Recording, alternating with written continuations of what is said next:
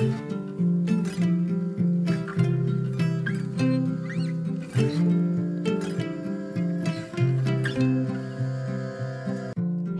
och välkommen till For Health med Anna Sparre. Idag ska vi prata med populära Anna Hallén om ADHD. Konkreta tips för dig som själv har ADHD, har barn med ADHD eller arbetar med barn med ADHD.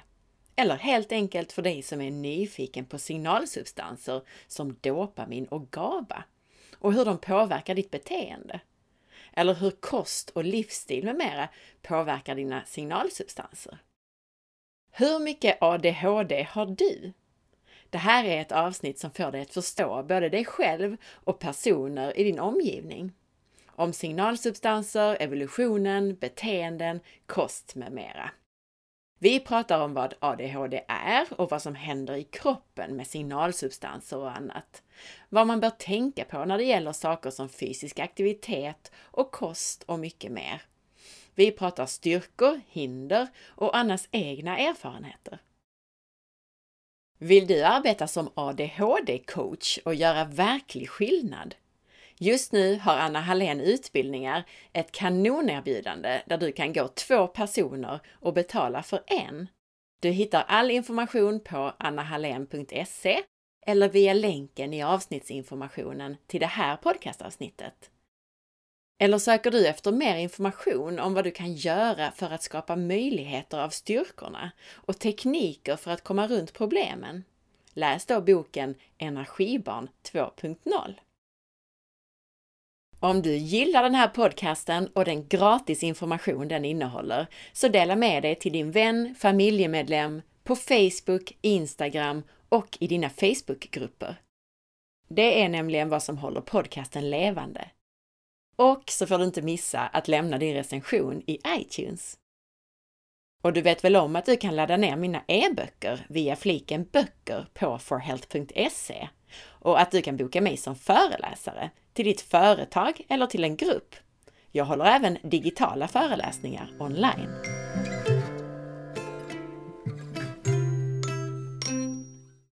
Anna har tidigare varit med i de populära avsnitten 29 och 88 och nu i höst i avsnitt 271 om lymfa och 270 om mättnadshormonet leptin. Redan i avsnitt 29 kom vi in en hel del på just ADHD och i det avsnittet får du dessutom lära känna Anna Hallén och hennes bakgrund. Så lyssna även där! Hej Anna och välkommen tillbaka till podden! Tack så jättemycket! Det är så kul att vara här igen!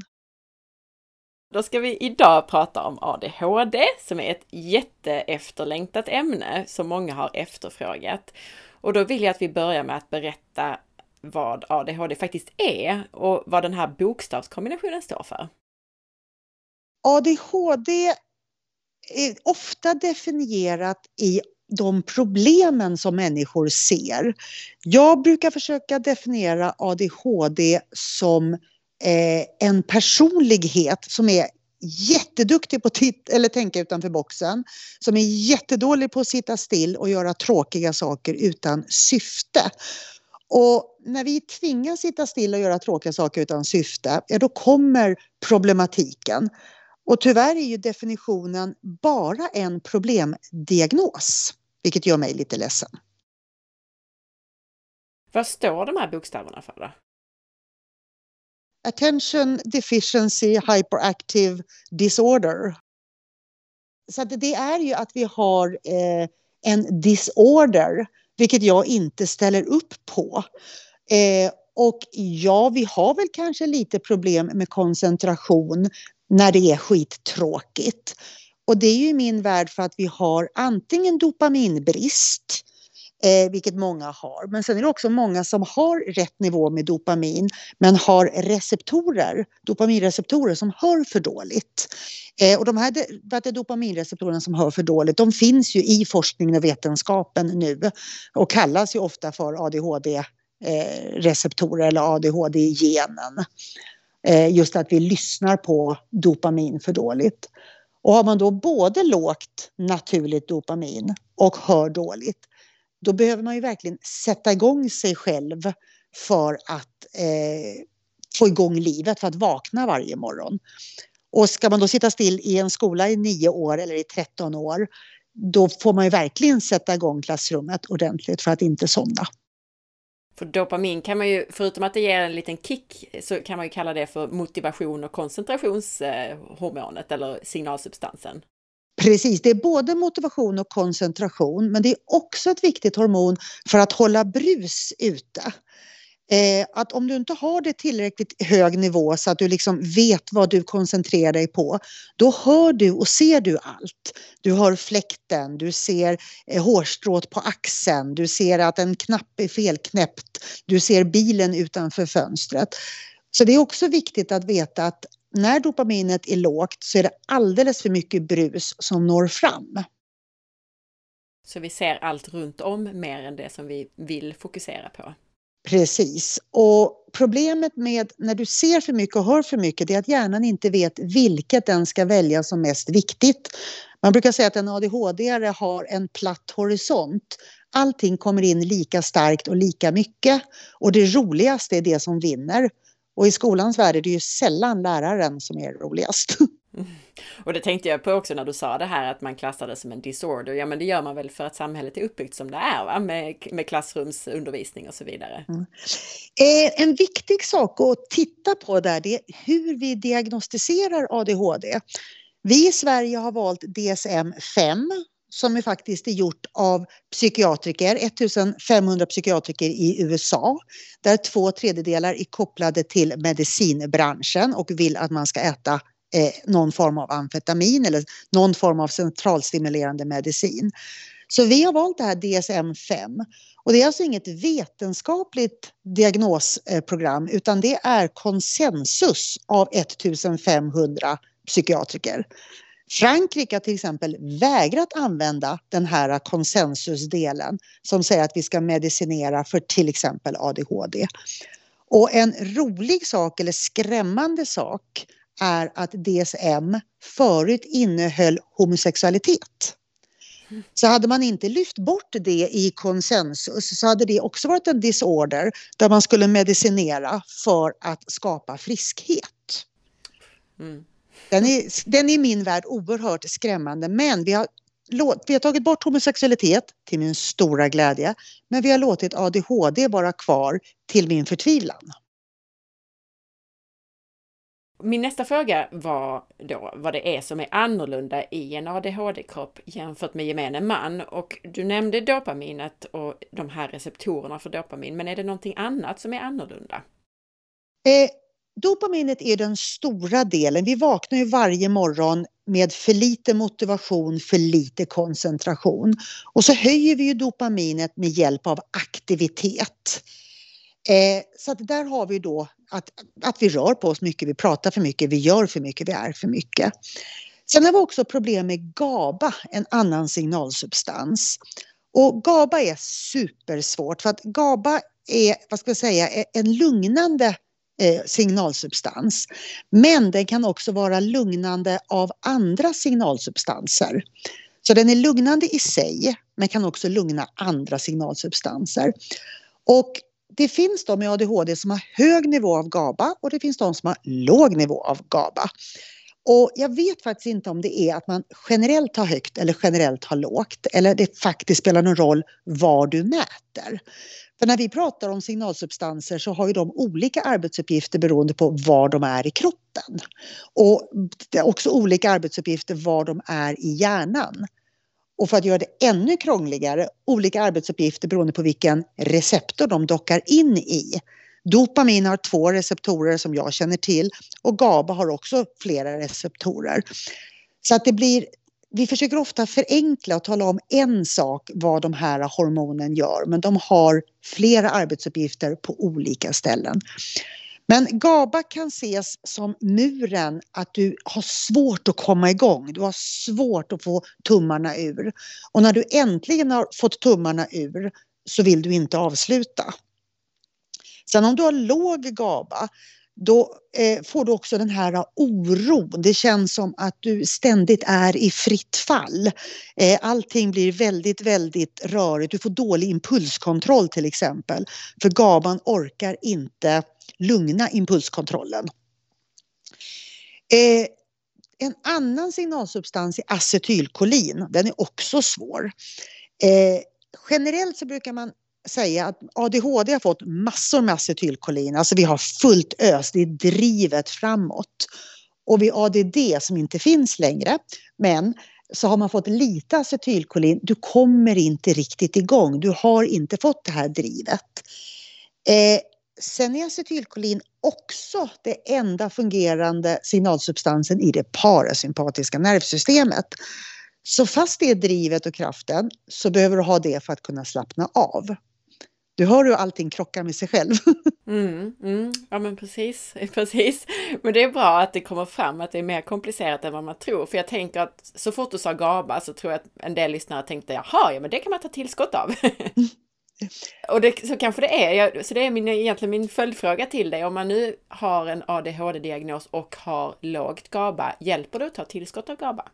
Ja, och jag brukar säga det, GABA är ett tillskott som jag är helt orädd inför. Om du inte behöver GABA och tar det, då blir du bara trött och hängig och kommer inte vilja ha det. För du får ett större lugn än vad du behöver. Och då brukar jag säga, har du köpt hem burken och blir trött och hängig, använd det på kvällen och använd det och sov på tills burken är slut. Behöver du GABA och tar GABAn så kommer du helt plötsligt få bättre impulskontroll. Du kommer få fördelen av att inte ha den här oron eller surret i kroppen. Och då får ju du snabbt svar, det funkade på dig och du behöver det. Eh, jag har nog inte varit med om någon som har tagit GABA och fått några större negativa eh, effekter eller responser. Det enda jag vet är att några personer som har tagit det just, alltså som inte har ADHD, som har tagit det just för, för sömnen, att de kanske har fått lite sämre kvalitet ibland. Eh, inte alla, men vissa har fått lite sämre kvalitet. Att det konkurrerar kanske lite med melatonin och tryptofan och sådär. Så att möjligen för gemene man att veta om att det finns sådana. ja, och det, och det man ska tänka på att glutamat är en förstärkare och GABA är en försvagare. Så om du tar GABA när du inte behöver eller du tar GABA när du redan har full nivå, då försvagar du ju andra signalsubstansers effekt. Och då blir ju din förklaring där på sämre sömn helt logisk. Så att tänk att GABA är en försvagare, både av bra och dåliga saker. Och eh, glutamat är en förstärkare både av bra och dåliga saker. Och då blir det lite lättare att förstå hur det funkar på individnivå. Kan man då säga att ADHD beror på den här obalansen bland signalsubstanser som gäller då dopamin, GABA och acetylkolin?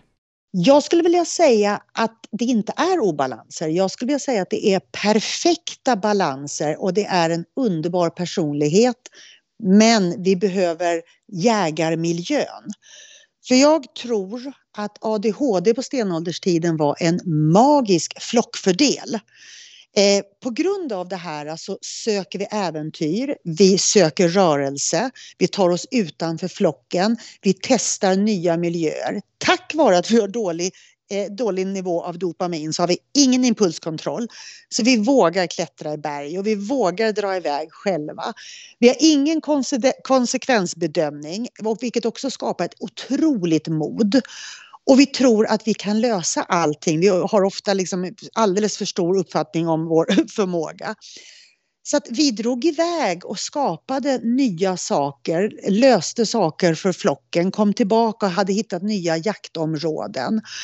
Och när du får för låg dopamin så ökar faktiskt rastlösheten och adrenalinet vilket gör att vi tar oss ur uttråkning.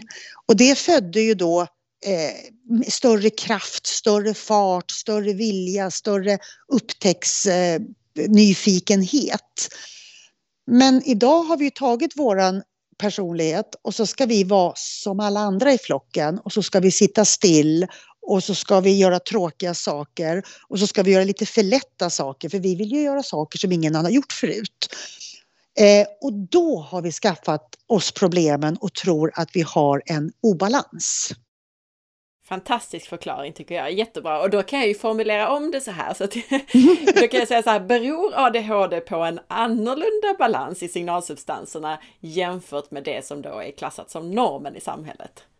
Eh, mitt svar är tveklöst ja. Vi har en annan balans eh, på våra signalsubstanser eh, och vi har eh, ofta en högre eh, nivå av högintelligens.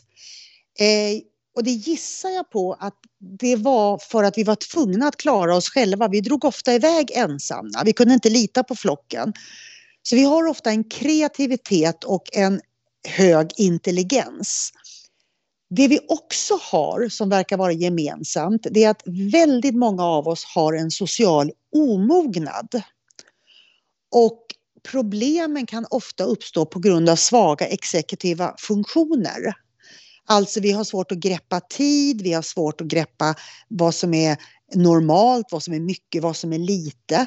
Vi kan också ha svårt att läsa flocken, vi har svårt att läsa rummet. Därför att saker i vår hjärna går så fort så vi hinner inte se ansiktsuttryck. Vi hinner inte se vad folk pratar om utan vi rusar in och säger fel sak. Och det kan ju bero på att det var inte så viktiga delar om vi ändå skulle lämna flocken och dra iväg. Så kanske inte det var så viktigt i våran hjärna. Men idag har det blivit jätteviktigt att alla ska ha väldigt hög social kompetens. Och det är inte alltid vi har det. Eller så att vi behöver längre tid på oss att träna in, så ska jag säga. För vi kan definitivt skapa oss det här. Men vår värld går i speed. Jag brukar säga det då att jag har ju odiagnostiserad ADHD men jag är en klassisk ADHD-are. Jag lever ju i slow motion-land. Allt går så långsamt. Folk pratar långsamt, de gör saker långsamt. Vilket gör att jag lite fräckt då och då fyller i deras mening för jag vet ju vad de ska säga. Eller fortsätter med nästa fråga innan svaret är klart. Och det är inte för att jag är ointresserad eller elak utan det är för att jag alltid ska vänta på världen. Och då ser ju ni som är normala, eller neurotypiska som det heter, ni ser ju oss som att vi är någon speedad ilsken geting som bara zzz, är överallt samtidigt. För vi lever lite i parallella universum. Jätteintressant och det besvarade egentligen också, apropå att gå frågorna i förväg, så besvarade egentligen min nästa fråga. För det var just det här med vad är fördelarna och styrkor och så vidare. Men då tänker jag att då kan vi göra så här att vi kan vi summera då vilka styrkor man besitter då i regel med ADHD? Eh, ja, det kan vi definitivt göra. Styrkorna brukar nämligen vara det som krockar när man går i skolan. Så allting som blir styrkor är det som är svagheter och problem i skolan. Eh, vi har massor med energi vilket är jättestora problem i skolan. Men det är ju helt fantastiskt. Jag menar, jag är 55 år gammal nu och vaknar varje morgon med massor med energi. Jag är ju inte äldre än 35 och det är ju en otrolig lyx. Eh, vi är otroligt kreativa, tänker utanför boxen, vilket inte passar i skolan. För då ska man anpassa sig, man ska göra vad man blir tillsagd och man ska göra det på det sättet som någon har bestämt. Det tycker inte vi om. Vi vill ju uppfinna, vi vill skapa, vi vill hitta nya varianter. Eh, vi eh, är också väldigt spontana. Vi lär oss inte av eh, misstag. Vilket är jättedumt när man är ung, men det är helt fantastiskt när man är vuxen. Man provar nya saker, man tror att allting går, man är öppen för nya möjligheter. Eh, vad har vi mer? Jo, många pratar mycket. Vilket är ju katastrof i skolans värld. Jag har till och med fått utskällning i, på en lektion där jag inte var med för jag var någon annanstans. Men det brukade vara jag som pratade för mycket så det, var väl, det var väl uppbyggt för, för den utskällningen i alla fall. Gud, det är sorgligt men jag skrattar. Mm. men idag så har jag ju betalt för att prata. Jag är föreläsare, jag är utbildare, jag sitter här i podden och pratar. Jag får inte betalt för det men alltså mitt jobb är idag att prata. Och det har jag fått så otroligt mycket skäll för. Eh, så att, och sen just det här att eh, entreprenörskap, eh, att eh, uppfinna saker, att eh, bli sångerskor, eh, skådespelare. Eh, vi är ofta väldigt, väldigt starka och envisa vilket gör att väldigt många ADHD finns ju i sportsvärlden. Vi springer snabbast, hoppar högst för det var vi tvungna att göra på stenålderstiden. Och vi kan träna i absurdum. Eh, ett annat, och du hör det här, ja, styrkor kan jag. Hyperfokus är ju ett av våra absolut bästa, eh, bästa styrkor och det är det som många föräldrar och skolan är jätterädda för. Eh, vi kan nämligen stänga in oss i en bubbla och jobba med samma arbetsuppgift i tio timmar. Och när jag skriver böcker, jag skriver färdigt en bok på två veckor. Alltså folk undrar, hur gör du? Allt är avstängt. Jag bara jobbar och jag jobbar ju extremt snabbt eftersom jag lever i speedland. Eh, I skolan blir de ju jätterädda när man kör hyperfokus. En annan fördel som vi har är att vi ofta blir överdrivet intresserade av ett ämne. När jag var liten så var det först dinosaurier, det är klassiker, och sen bytte jag till Australien och sen blev det hundraser. Vissa är överdrivet intresserade av flaggor, det kan vara planeter, det kan vara vapen. Jag har en tjej nu som är jätteintresserad av seriemördare. Allt. Och det är inte att vi är elaka som vapen och seriemördare, det är för att det går att sätta i kategorier. Och jag tror att vi redan när vi är små vill bygga upp det här biblioteket i våran hjärna. I och med att allting går så fort, vi ser allt, vi hör allt och vi tänker utanför boxen så måste vi träna på att sätta upp kategorier. Vi måste skapa våra boxar och flaggor är ju perfekt. Dinosaurier är perfekt. Det finns ju hur många som helst. Eh, och som jag säger hundraser som jag fastnade i. För när vi sen blir vuxna då har vi alla de här boxarna redo. Och när jag sen bytte till biokemi då var det ingen som var orolig för mig längre. Då har jag ju fått massor med beröm på vad du kan mycket Anna. Du kan ju hur mycket som helst. Så nu är det mitt arbete, det är det jag jobbar med. Min, mitt fokus på ett enda område. Sen är biokemi stort. Men idag får jag ju inte själv för det. I skolan var de jätteoroliga. Och nu har jag pratat nonstop hur länge som helst. Det är också en ADHD-fördel. ja, det är helt fantastiskt. Och det jag hör dig säga är egentligen att, för att nästa fråga handlade om vilka hinder det finns och då är det ju egentligen så att de här styrkorna kan man se både som styrkor och som hinder beroende på i vilket sammanhang det är. Och det, mm. och det är sammanhanget som gör att vi hamnar i problem. För vi är inte gjorda för att sitta still i nio plus tre år och göra onödiga saker som derivata och kvot och pi och allt vad det heter. Våran hjärna säger bara, nej men jag vill inte, det är inte kul. Och så frågar man lärarna, vad ska jag ha det här till? Ja, du måste. Varför? Jo, därför. Och en ADHD går nästan aldrig med på den förklaringen. Utan antingen talar om syftet eller så skiter jag i det. Eh, och då får vi problem i skolan. Och jag tycker egentligen att det är mer onaturligt när ett, en djurunge eller en människounge kan sitta still som liten i nio år. Eh, jag tycker det är mer normalt att man gör uppror. Och i och med att vi inte har någon konsekvensbedömning så är vi inte så rädda. Så vi gör ju uppror. Och det blir inte så bra mycket igenkänningen då, alltså även om jag själv inte har ADHD, i alla fall ingen diagnos på det, så, så känner jag igen mycket av det här att man fick absolut inte ifrågasätta. Jag, känner, jag behöver också verkligen veta varför, varför ska jag lära mig det här? Men det fick man inte fråga i skolan. Nej. Mm. Och jag tror att ADHD egentligen inte är ett on och off-läge. Det är samma sak där, det är en dimmer. Jag älskar tanken om kroppen och hjärnan som en dimmer. Alla har ju dopamin, alla har ju GABA, alla har ju acetylkolin.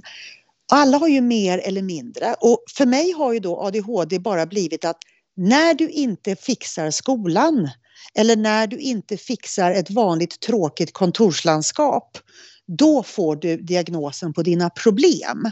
Men alla som fixar det men som har kanske lite för lite dopamin eller har lite för mycket acetylkolin eller vad det kan vara. De säger snarare att ja, men jag har nog en släng av ADHD. Och det tror jag är alldeles korrekt. Alla har ju samma signalsubstanser. Mm. Det är bara när den blir när balansen blir på ett sätt så att vi inte kan sitta still och göra tråkiga saker, då hamnar vi i eh, riskbeteendet. Både för att få diagnos och för att behandla eller bete oss illa. Precis, just det här har jag suttit och, och, diskuterat med andra ganska nyligen, just det här att det är en, en skala, alltså ungefär som den här politikskalan med höger och vänster, alltså var hamnar jag på den? Hamnar mm. jag vänster eller höger och mitten så att säga? Så att Anders Hansen har ju skrivit världens bästa mening. Hur mycket ADHD har du på en skala från 1 till 10? Och säger du 1, 2, 3, ja då är du som alla andra lite neurotypisk. Säger du 4, 5, 6, ja då känner du igen dig på vissa ställen. Och jag då som en 8-9, jag har ju haft jättemycket problem i min ungdom men har idag skapat mig ett liv där jag får plats. Jag är fortfarande för mycket, pratar för mycket, gör för mycket, har mycket för mycket hyperfokus, kan verkligen nörda ner mig i ett specialintresse. Men jag har ändå skapat mig en verklighet där jag får plats. Hur gör man då för att man med ADHD ska bli den bästa versionen av sig själv? Vad ska man göra och tänka på och äta och så vidare? Skolan innebär ett problem. Eh, för det är verkligen att sätta en en, en jägare i, i, i tvångsbälte. Så att vi har ett dilemma i skolan. Men ju mer fysisk aktivitet vi får in i livet, desto bättre mår vår hjärna. Och där finns det hur mycket forskning som helst. Vi behöver röra på oss. Eh, och vi behöver röra på oss varje dag och vi behöver röra oss flera gånger varje dag. Eh, sen behöver vi stimulans, kreativitet och intresse. Vi behöver ha roligt. Vår hjärna kickar inte igång på viktigt eller på måste. Eh, och det är för att dopaminet inte ökar av viktigt eller måste. Så det här har ingenting med lathet att göra eller med vilja att göra. Dopamin är vilja. Och har du låg dopamin har du ingen vilja. Men om du får något som är intressant eller har ett syfte eller är farligt eller träning, rörelse, då ökar dopaminet och nu får du tillgång till hjärnan. Så vi måste alltså skapa oss så mycket dopaminhöjande aktiviteter vi bara kan.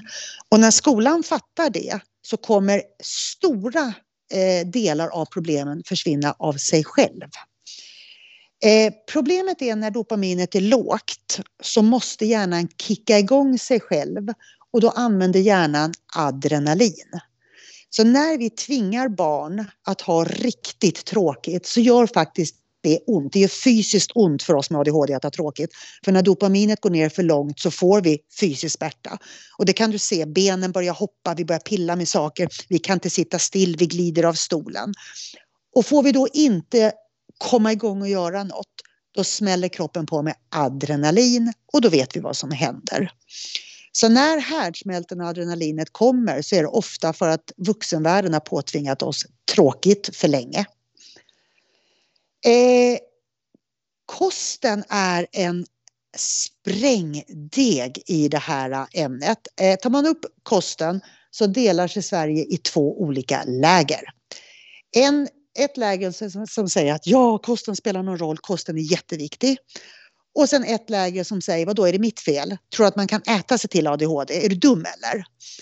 Så den är inte jättelätt. Jag vet inte knappt om jag vågar ta upp den. Alltså jag ser det ju mer som att det är alltså en grundförutsättning för att saker ska funka. Och så är det ju för, för även personer utan ADHD egentligen. Det är bara det att det blir så väldigt mycket mer tydligt på en person med ADHD. Definitivt. Det som eh, forskningen är tydligare på autism än vad den är på ADHD. Och autism och ADHD är två helt olika saker. Jag blir så ledsen när man sätter ihop dem eh, med ett och-tecken emellan. Det är alltså två helt olika saker. Men det verkar som att tarmen är en gemensam del mellan ADHD och autism. Vi har mycket känsligare tarm än andra människor har.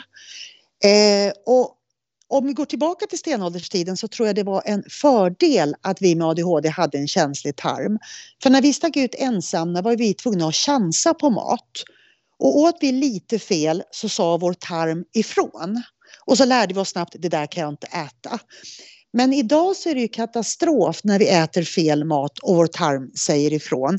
Därför att när tarmen inte mår bra så mår hjärnan inte bra. Och om du då har en hjärna med tusen tankar som går på speed, som ser och hör allt, då orkar inte den också må dåligt för att tarmen mår dåligt. Så vi är känsligare för mat, även enligt forskningen, än vad neurotypiska är.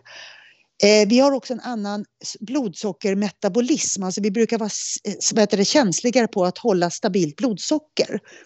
Så vi har en känsligare relation till socker. Vi älskar socker för socker är dopaminhöjande. Eh, vi har då en, också en känsligare tarm för eh, vete och speciellt vetegluten. Vi älskar pasta och mackor både för att det blir snabbt socker, det är dopaminhöjande och för att gluten blir en form av morfin i våran hjärna.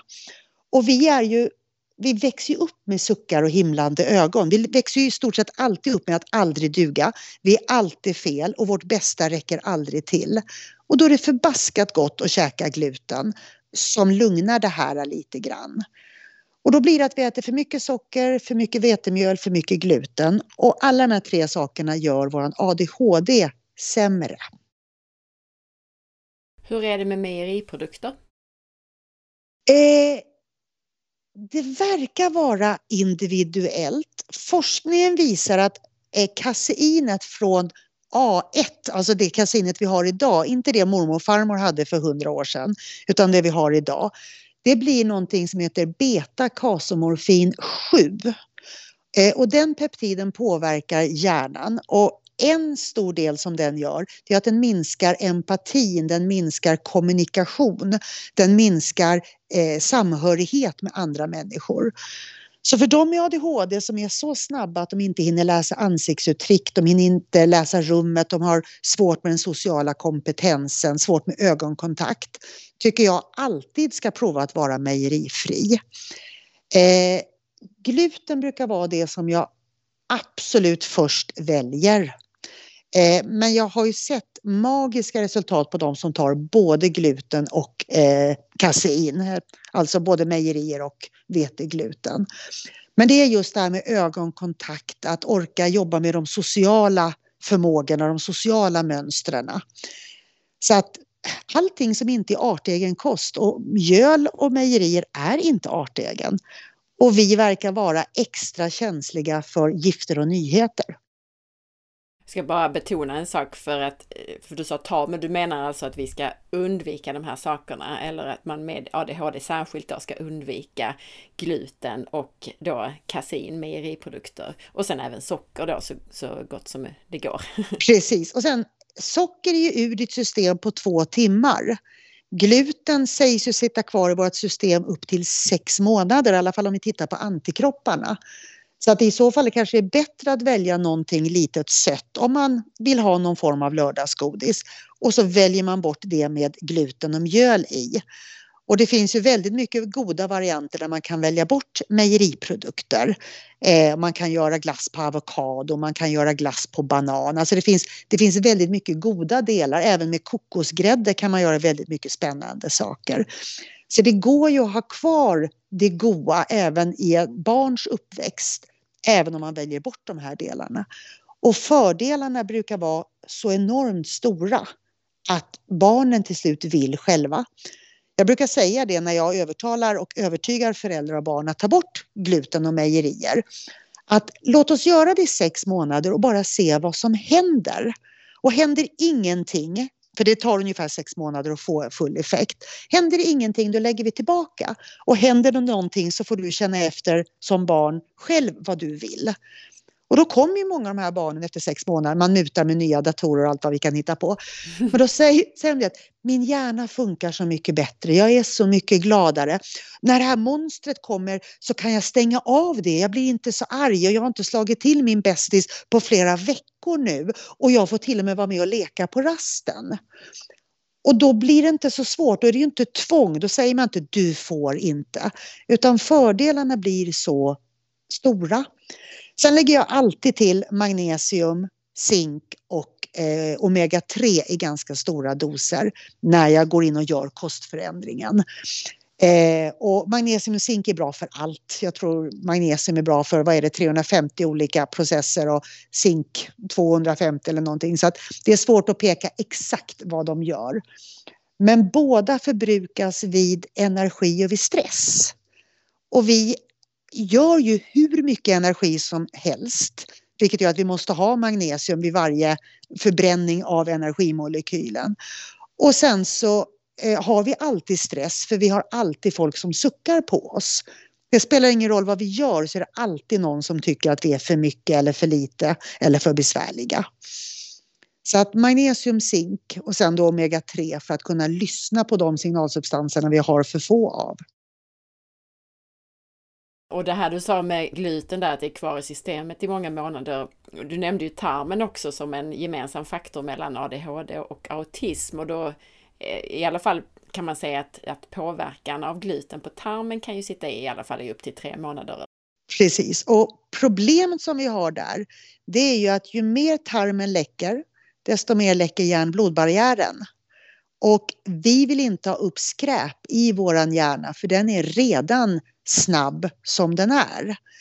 Och får vi då upp inflammatoriska ämnen så är det som att gå omkring med feber på en superspeedad hjärna. Vi får ju inte feber, men att få den här dimhjärnan på våran speed, det är förödande. Vi behöver vara glasklara och verkligen funka på vårt yttersta för att allting går snabbt, fullt av energi och lite för starkt. Om man nu sitter här, jag kan tänka mig nämligen att det är en hel del lyssnare som kanske inte annars lyssnar på podden som lyssnar på just det här avsnittet för att det handlar om ADHD och man sitter, antingen så har man själv ADHD eller så har man kanske barn med ADHD. Och så, så säger vi nu då att ja, men det, man bör plocka bort mejeriprodukter, man bör plocka bort gluten och spannmål och man bör vara väldigt försiktig med sockret. Vad ska man äta istället? Eh, riktig mat. Eh, du äter kött, fisk, fågel, ägg. Eh, du äter eh, grönsaker i alla former rotfrukter i alla former, frukt och bär, naturliga fetter. Eh, och då får man ju lite tänka till. Man kanske vill göra en, en pizza. Vad kan man ha för botten? Går det att använda mandelmjöl och göra en vanlig pizza? Eh, lite, alltså man får gå in och trolla lite. Jag och Åse Falkman Fredriksson har gjort en bok som heter Energibarn. Och där har vi faktiskt gått in och gjort 15 stycken recept för att visa hur man kan trolla fram eh, god mat som barn gillar, som är glutenfri och som är mejerifri. Där vi just har tittat på det här med pizza och hur man gör en eh, form av eh, chokladmjölk eller smoothie eller man gör en panna cotta. Så att det goda faktiskt finns kvar. Det är bara att man får tänka i lite nya banor. Eh, man kan göra frukostbullar på mandelmjöl. Nu ska man inte äta alldeles för mycket nötmjöl heller men just för att få övergången för ett barn eller tonåring att bli så enkel och mild som möjligt. Sen så barn äter vad som serveras när de är pyttesmå. Och vi är tyvärr för dåliga på att servera bra saker då. Vi har ofta barnmenyer och det är bara spagetti, köttfärssås eller köttbullar eller pannkakor vi behöver, i alla fall de som lyssnar nu som har chansen med, redan, eller med, med små barn, att börja låta dem äta riktig mat av alla sorter. Jag vet att det är tuffare om du sitter med ett barn som är 12, 13, 14 och som har en egen vilja just nu. Och då får man nästan prata med barnen. Eh, att vad vill du? Och ofta har ju de någonting de önskar. Jag vill inte slåss mamma. Jag vill inte att fröken skäller på mig. Jag är så ledsen för jag inte har några kompisar. Eh, och då förklara att det här och det här gör de här sakerna i din hjärna. Att du blir så arg kommer från de här delarna. Så att även 12-13-åringen får förklaringen. Min son fick äta väldigt mycket eh, omega-3 som liten för att få ordning på väldigt mycket impulskontroll. Och när han var någonstans, gick han första ring i gymnasiet, så var jag ska inte äta de där jävla skittabletterna. Och då sa jag, men det behöver du inte. Du vet vad de gör, du vet varför du äter dem och du vet varför du vill ta bort dem. Så du väljer. Och det tog ju bara ett år, sen kom han tillbaka. Du, mamma, har du lite fler av de här magiska pillerna till mig? Eh, och så fick han tillbaka, eh, jag tror att han hoppade över ett, ett och ett halvt år. Och så kom han efter fyra dagar och så sa han, nej mamma, nu är jag glad igen och nu funkar mitt skolarbete. Och han är nu 27 år gammal och äter eh, tre gånger så mycket omega-3 varje dag. För han blev inte påtvingad, han förstod vad det gjorde med hans egen hjärna. Så jag tror vi måste lita lite på våra barn och inte säga att de ska. Utan förklara vad, vad maten eller matvalet kan ge. Men då sitter vi i det här dilemmat, då måste vi ha kunskap själva. Och jag rekommenderar verkligen Energibarn eh, 2.0 heter den, fast jag har skrivit den själv. Därför att den är väldigt tvärvetenskaplig. Du får kunskap om kosten, det vi pratar om just nu med eh, gluten och eh, vi pratar, jag pratar även om glutamat och lite sådana saker. Och så kan man själv bestämma vad landar jag? Vad är viktigt för mig? Vad vill jag testa på mig eller på mitt barn? Men jag pratar också där om beteenden, jag pratar om grundorsaker, jag pratar om lösningar, hur vi tänker. Så att man går in från väldigt många infallsvinklar och det mesta i boken är forskningsbaserat. Men jag har till och med gjort ett kapitel som heter Utanför boxen. Och där skriver jag tydligt att du som bara vill ha forskning, hoppa över det här kapitlet. För nu gör jag som alla adhd gör. Jag tänker utanför boxen och jag tänker skriva ner det. För det kanske kan ge lite nya eh, områden och nya öppningar, nya infallsvinklar. Så att det, är en, det är en bra grundbok. Och jag har fått, jag har fått massor med mejl från föräldrar som tackar för att deras son eller dotter har ramlat på rätt sida bara på ett halvår genom ganska enkla förändringar. jag tycker jättebra att du tar upp det här med hur man pratar med barn om mat också. Äh, och generellt också, alltså även med min egen son som inte har en ADHD-diagnos. Så vi har pratat väldigt mycket om mat som friskmat och så. Så att han, redan när han var tre år och man vaknade och var lite hostig så hoppade han upp och så ville han ha, ha spenat och fiskleverolja och allt det här som jag hade pratat om som man blev frisk av. Så att det, det går absolut. ja men det går absolut. Jag tror att vi har glömt bort det lite grann. Vi har gjort Även det har vi gjort lite för enkelt. Barn som eh, kinkar lite eller gråter lite, de får direkt någonting sött. Vi stoppar in godis i munnen så fort, så fort det låter någonting eller vill de ha pannkakor så får de pannkakor. Det går att lära dem både spenat och fiskleverolja. Eh, och det kräver lite tålamod och det kräver förklaringar. Barn vill ju vara friska. Och det du beskrev nu, det har, kan ju ha hemska konsekvenser åt, åt andra hållet, det här med att man kopplar mat till känslor och så vidare. När vi pratar sockerberoende och andra, andra saker i livet. Definitivt. Och som sagt är att i och med att vår våran hjärna är så dopaminlåg eller dopaminsvag, om vi nu inte har lågt dopamin, men dopaminsvag. Vi älskar ju dopaminhöjande kost. Så jag ser ju väldigt många med gastric bypass som har ADHD. Jag ser väldigt många som har sockerberoende och liknande ADHD-symptom. Så att både gastric bypass, stor övervikt och sockerberoende och ADHD är ju väldigt nära sammankopplade. Mm. Så att den är, den, är, den är också lite skrämmande och lite sorglig. Men då måste jag berätta en annan rolig sak. Mm. Jag har som pro bono gratisprojekt gjort en bok tillsammans med redaktörer, korrekturläsare, illustratörer. Alla har jobbat gratis som heter Så funkar ADHD. Däremot så har jag inte tagit med kosten i den här boken eftersom kosten är en sprängdeg. Men den här boken kommer ut nu den 13 november 2020 och är då ett eh, gratisprojekt. Så den kommer skickas ut gratis till alla SOS-kontor, till HUB, till BUP, till flera av kriminalvårdens eh, ställen eh, som en informationsbok. Så det är Så funkar ADHD för dig mellan 8 och 98 år, både lugn och vild. Fantastiskt, jättebra den går att köpa för en pytteliten summa.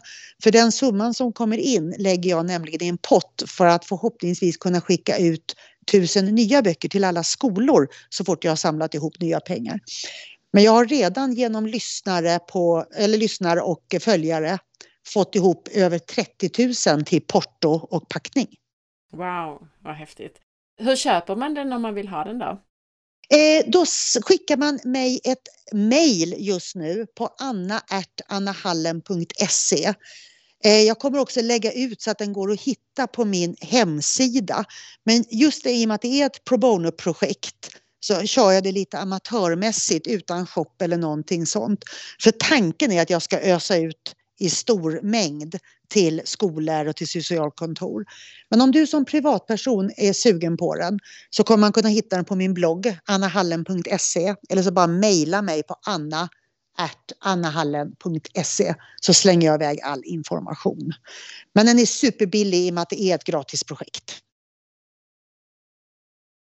Vi har ju pratat lite mat, vi har pratat om eh, fysisk aktivitet och stimulans. Kan vi summera, är det någonting annat eller någonting vi kan summera kring de här tipsen? Eh, min dröm är att inte se ADHD som eh, en sjukdom eller en disorder eller en obalans utan ADHD är en personlighet som i fel miljö kan få jättestora problem. För jag förringar inte att ADHD kan vara enorma problem. Jag vet föräldrar som är knägående där barnen har verkligen härdsmälta och vulkanutbrott. Men vi är i fel miljö och då blir det galet.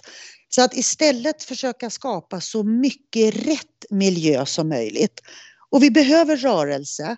Vi behöver eh, rätt kost, artegen kost. Vi behöver ha kul, vi behöver vara intresserade, vi behöver vara nyfikna.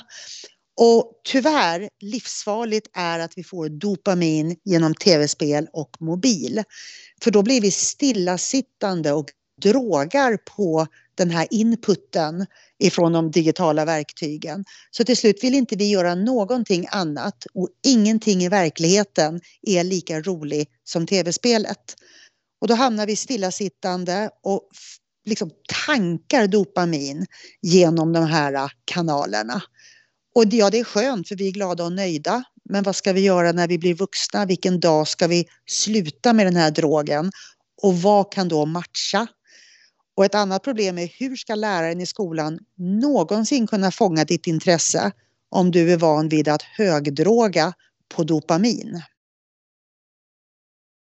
Det finns ju andra bokstavsdiagnoser, andra så kallade NPF-diagnoser. Gäller de här tipsen även för dem? Japp. Eh, de gäller faktiskt för alla. Jag de gäller för alla människor. Istället för att du ska anpassa sönder din hjärna så fundera, var bor din hjärna bäst? Jag brukar säga det att alla vi som är udda, vi är en saltvattenfisk i ett sötvattenakvarium. Vi håller på att dö där. En saltvattenfisk hade dött, den hade exploderat på riktigt.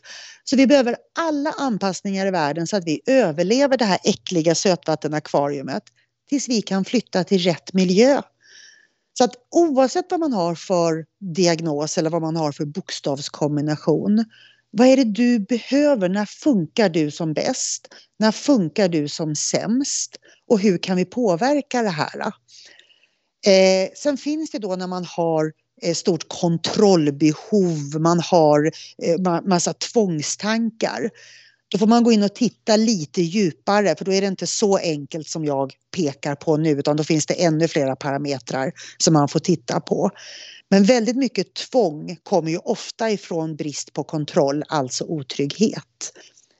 Men det största problemet är nog omgivningen och som kväver oss och som suckar åt oss. Så till slut så har vi ju inte bara ADHD eller någon annan diagnos utan då är vi också väldigt neurotiska, odugliga och har ganska mycket egen ångest tillsammans med den här hjärnan som är ganska unik och speciell från början. Du sa ju det här med att man ska inte sätta ett och-tecken mellan autismspektrat och ADHD. Mm. Kan du kort säga någonting om likheter och skillnader? Jag brukar alltid fundera på eh, vad var det för flockfördel? Jag älskar stenålderstiden. Eh, vad hade vi för flockfördel? Och med ADHD och ADD, och ADD finns ju inte längre, men vi är ju ganska orädda, vi drar iväg. ADHD-aren sticker ju iväg. Jag brukar säga att jag tror att det var ADHD-aren som uppfann eh, handväskan för att vi skulle få händerna lösa när vi sprang omkring på stenålderstiden. Och då slapp vi ju bära grejer add är kreativ på samma sätt men fick ingen motor utan add stannade kvar i flocken i gruppen med sitt udda tänkande. Och jag är helt säker på att det var en add som upptäckte och uppfann hjulet för att skapa det här. Om vi då går in på spektrumet sen, och det roliga nu är att ADD finns ju inte utan man har på människor som inte riktigt är flexibla tagit bort och stoppat ihop kategorier. Det måste vara en neurotypisk som har gjort denna underbara grej. Så att ADD är ju nu ADHD-are fast utan hyperaktiviteten. Ännu bättre så har man gjort det här på spektrumet, så autismspektrumet, man har ju tagit bort Asperger. Så att en människokategori som hatar förändringar får inte längre tillhöra Asperger utan ska nu byta kategori. Eh, jag vet inte om jag ska skratta eller gråta men det måste också vara neurotypisk som inte kan någonting som har gjort den förändringen. Men jag tror inte att vi hade icke-fungerande autister på stenålderstiden. Jag tror att alla var högfungerande autister och då närmare Aspergerspektrumet. Så att den lågfungerande autismen tror jag är gifter och nej, det är inte du som mamma som har gjort fel. Samhället är så förgiftat och våran tarm är så trasig sedan tre generationer från 60-70-talet. Så att vi har ju bara hälften av biotikan kvar i våran tarm på tre generationer. Så det är inte mamman som har gjort fel. Men jag tror inte på stenålderstiden att det inte fanns annat än högfungerande autister. De är superduktiga på ett specifikt område. Så jag tror ju att den högfungerande autisten var den som kunde alla bär, alla örter, vad är giftigt.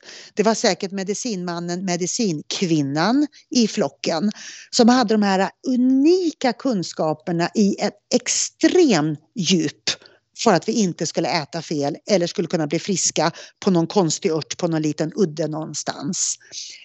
Eh, så att autister har ju precis som vi med ADHD, de hör allt och ser allt.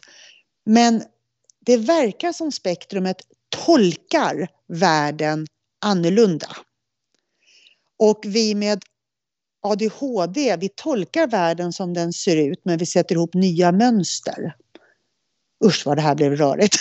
Nej, det, nej, det är faktiskt ganska tydligt. Anna. Vad bra. Mm. Eh, så, att, eh, ja, så att vi, och autisten skulle inte sticka iväg och lämna flocken. Men skulle inte heller vara speciellt social utan var fullt upptagen med att kunna, vi säger, liksom, 10 000 olika örter.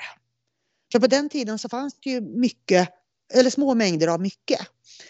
Eh, ADHD skulle aldrig orka lära sig alla de här, det finns inte en chans. Jag tror inte ens att vi har kapaciteten att klara, för vi ser så mycket andra grejer. Vi skulle sätta upp stora sammanhang istället. Så tack vare att vi har det autistiska spektrumet så hade vi medicinkvinnan. Vi hade uppfinnaren av hjulet i add och vi hade oss som körde handväskor och stack iväg och hittade nya områden. Och ännu bättre, eller lika bra, så hade vi bakåtsträvaren i gruppen. Vi hade den tänkaren som stoppade upp. Vi hade den som bara följde flocken. Vi hade den som var kreativ med händerna. Vi hade den som var kreativ med hjärnan. Så vi har liksom på något sätt satt eh, stämplar på alla människor som bara var en världens bästa flock på stenålderstiden. För att hade alla följt med mig, då hade ju alla mig över stupet eller blivit uppkäkade av krokodiler. För vi med ADHD, vi dog hela tiden. Eh, så. Så det bakåtsträvar är ju en helt fantastisk människokategori som vi också suckar över idag. Tyvärr. Som håller flocken i säkerhet. Mm. Som håller flocken i säkerhet och som ser till att förändringar inte går för snabbt för då kan vi dö. Och idag så suckar vi över dem på arbetsplatser. Så att vi borde istället för att anpassa ner oss alla i en box börja samarbeta och faktiskt göra det vi är bäst på. Precis. Alla gör sin grej, det är jättefantastiskt. Precis, och det, i, Sverige, ja, men i Sverige så har vi lite det att vi, vi ska alltid göra grupparbete, så, så här, det ska vi inte alls det, vi ska göra samarbeten. Och den här boken så funkar ADHD, det är inget grupparbete. Alla har gjort det de är bäst på och så satte vi ihop det till en enhet. Eh, vi har absolut inte delat på en och samma uppgifter, eh, för det är helt omöjligt och speciellt för en ADHD som alltså vill göra allting själv. Eh, så att helt, börja se fördelar istället för att sätta diagnos på allt. Jag menar, vi håller på med introverta, vi håller på med extroverta, vi håller på med de här högsensitiva personligheterna. De var ju våra alarmklocka. Utan HSB-personligheterna i flocken så dog vi. Det var de som hörde allt, väckte oss när vargen kom. Helt fantastiska. Men de kanske idag inte ska leva mitt i Stockholm för då går de sönder. Utan den personligheten kanske ska leva på ett ställe där det inte är för många intryck. Jag vill också kommentera det här du sa med toxiner och eh, autismspektrat där. Den forskning som finns på autism, där ser man att man har oftast nedsatt funktion när det gäller detox och då blir ju toxiner så mycket värre för en sån person.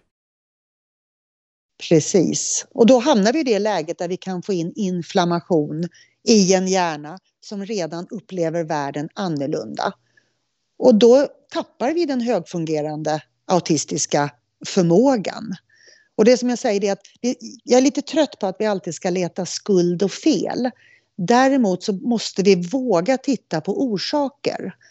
Eh, och det finns de som inte kan ändra på orsaken idag. Men vågar vi titta på orsaker så kan vi kanske stoppa att det händer framöver. Mm. Och jag vet att det är ett känsligt ämne och jag förstår både sorgen och förtvivlan när man konstaterar att för min del är det för sent. Eh, men fortfarande, vi får inte stjäla det för kommande barn och kommande generationer. Vi måste våga titta på, på orsaker och på möjligheter till ansvar. Jag skulle också vilja nämna, för även om du sa då att just när det gäller ADHD och kost så finns det eh, inte så mycket forskning, men det finns en del forskning på autism och kost. Till exempel då så finns det fina studier som visar på oerhörd förbättring när man tar bort just gluten och kasein, alltså mjölk och spannmål. Mm. Om man nu sitter och lyssnar och eh, om man är intresserad av andra diagnoser så finns det i alla fall en del forskning på det där med kost och sådär. Ja, och det finns också jättebra forskning på just ADHD och kost från Nederländerna. Och den var uppmärksammad i Sverige. Men Sverige valde bort den här forskningen. För det är också det att finns det forskning? Ja, det finns det. Men vilken forskning väljer man att lyfta fram? Och Sverige valde bort forskningen från Nederländerna på ADHD-kosten för det är så besvärligt och smörgås är så gott. Och det, och det låter som att jag raljerar men det är faktiskt det som var anledningen. Och när en forskare i Sverige kan uttrycka sig så att det är för besvärligt att äta kött, fisk, fågel, ägg och grönsaker, för det var det det hela gick ut på, den var nämligen glutenfri och mejerifri och sockerfri. Eh, och det var fantastiska resultat på de här barn och ungdomarna med ADHD. Det var alltså jättebra signifikanta resultat. Eh, men då valde vi bort den i Sverige för det var besvärligt och smörgås är för gott. Och det summerar det här avsnittet. Du kommer få så mycket mejl efter ja. det här avsnittet. Mm, men du Anna, är det någonting som du känner att vi borde prata mer om när det gäller ADHD eller någonting vi, vi ska summera eller så?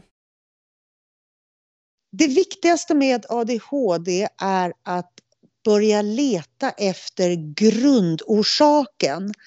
När någonting går fel så ska man inte försöka reda upp till exempel bråket utan vilken kompetens saknas för att undvika bråket. Det brukar vara en lösning i de exekutiva funktionerna. Det är där vi behöver ha mer träning. Eftersom vi är ungefär 30% mer omogna än våra jämnåriga kompisar så får vi nämligen träna på social kompetens vid fel tillfälle i vår hjärnas utveckling. Och det är därför våra exekutiva funktioner kommer så fel efter.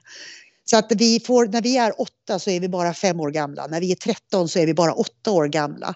Så vi får hela tiden träna på saker som vår hjärna inte kan. Hade vi fått vara lite yngre och träna lite senare så hade vi utan problem kunnat lösa de flesta sakerna. Så att leta efter grundorsaken, inte varför bråket kom eller vem det var som var skyldig eller vad det var som hände. Utan vad saknar Pelle eller Lisa för att förstå situationen och kunna undvika bråket. Och kan vi bara börja titta på exekutiva funktioner och grundorsaken så har vi kommit hur långt som helst. Tusen tack för all den här informationen som är så viktig. Tack! Jag är så glad att jag får berätta om den. Jag brinner för det här, men det kanske hörs. ja, såklart. Och sen nämnde du ju din hemsida. Är det någonting annat som du har på G eller som du tycker att man ska hålla utkik efter? Ja, jag skulle faktiskt vilja flagga lite reklammässigt. Om du vill jobba med barn som har ADHD eller ADD eller ADHD-relaterade problem så finns världens bästa utbildning och jag är jättejävig för det är min utbildning till ADHD-coach en ettårig tvärvetenskaplig utbildning som tittar på just det här med exekutiva funktioner, med sociala kompetenser, signalsubstanser, kroppens biokemi och även kosten. Eh, och jag har faktiskt världens häftigaste erbjudande, nu blev det reklam. Gå två och betala för en under 2021 till att bli ADHD-coach. Vad bra! Vi hör ju att det behövs, så att det är jättebra. Det behövs verkligen eh, och jag får mejl varje vecka, vem kan hjälpa mig? Eftersom jag inte hinner ta klienter.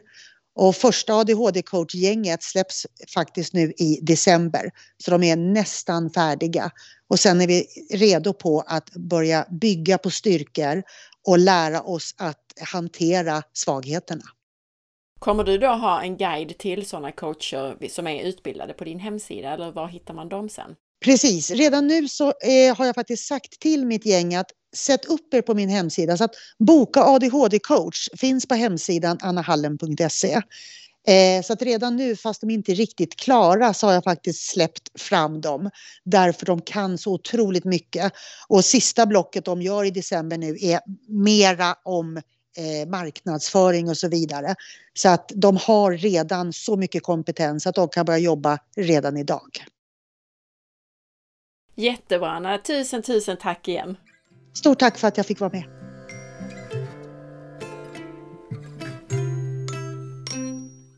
Om du uppskattade det här avsnittet lika mycket som jag, så gå till facebook.com forhealth.se och dela avsnittsinformationen. Dela den gärna i dina Facebookgrupper. Veckans recension i iTunes är från Pia Lippa som skriver Borde användas i skolor. Så mycket relevant kunskap om våra kroppar och hur de faktiskt fungerar. Att få lära sig förstå kroppens biokemi borde bli obligatorisk undervisning i skolorna. Kanske fler ungdomar skulle välja bort skräpmat då. Du hittar även mig på Instagram som asparre. Tack för att du lyssnade och ha en fantastisk dag! Så hörs vi snart igen. Hej då!